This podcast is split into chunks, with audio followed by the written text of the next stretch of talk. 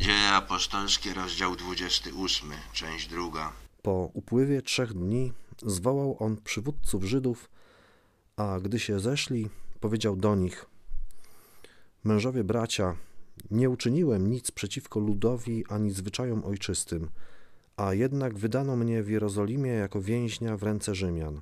Paweł bardzo szybko po przybyciu do Rzymu zaczął myśleć o tym, żeby powiedzieć Ewangelię swoim rodakom. Zaprosił do swojego mieszkania przywódców synagog w Rzymie i zaczął im tłumaczyć, jak to się stało, że tutaj trafił. którzy po przesłuchaniu chcieli mnie zwolnić, ponieważ nie byłem oskarżony o coś, za co należałoby karać śmiercią. Lecz gdy się temu sprzeciwili Żydzi, musiałem odwołać się do cesarza, nie mając wszakże zamiaru oskarżać o cokolwiek mego narodu. Paweł starał się przekonać przywódców synagog, że nie jest ani zdrajcą swojego narodu, ani pospolitym przestępcą. Dlatego też zaprosiłem Was, aby zobaczyć się z Wami i porozmawiać, bo przecież z powodu nadziei Izraela dźwigam ten łańcuch. Paweł wspomniał o łańcuchu, bo zgodnie z przepisami był przykuty łańcuchem do strażnika, do pretorianina, który go cały czas pilnował. No i stwierdził, że to, co go spotkało, spotkało go dlatego, że uwierzył, że w Jezusie Chrystusie spełniły się wszystkie obietnice, jakie Bóg dał Żydom.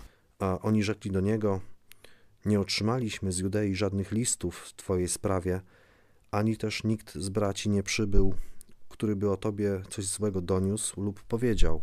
ponieważ przywódcy żydowscy w Jerozolimie nie doprowadzili tam do śmierci Pawła, to nie wierzyli raczej, że w Rzymie są w stanie doprowadzić do skazania go. Dlatego uznali, że najlepiej jest całą sprawę przemilczeć i stąd wzięło się to, że Żydzi w, Żydzi w Rzymie nic nie wiedzieli o Pawle. Ale pragniemy usłyszeć od Ciebie, co myślisz, gdyż wiadomo nam o tej sekcie, że wszędzie się jej przeciwstawiają.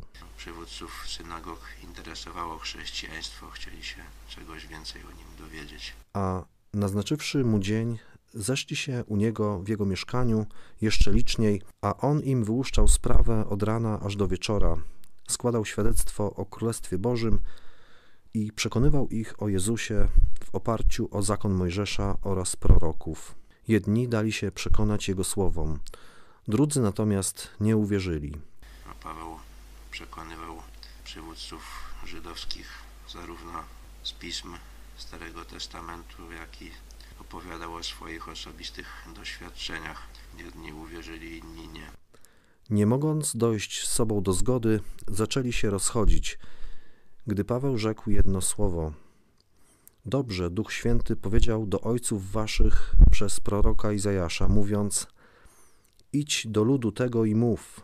Będziecie stale słuchać, a nie będziecie rozumieli.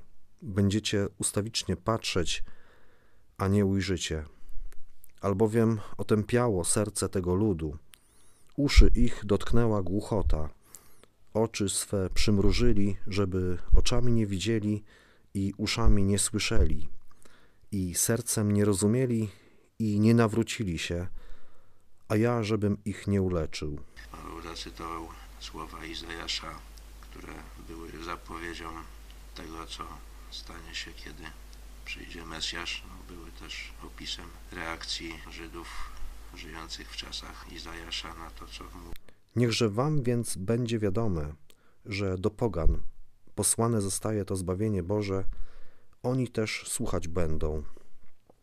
A gdy to powiedział, odeszli Żydzi, wiodąc z sobą zacięty spór.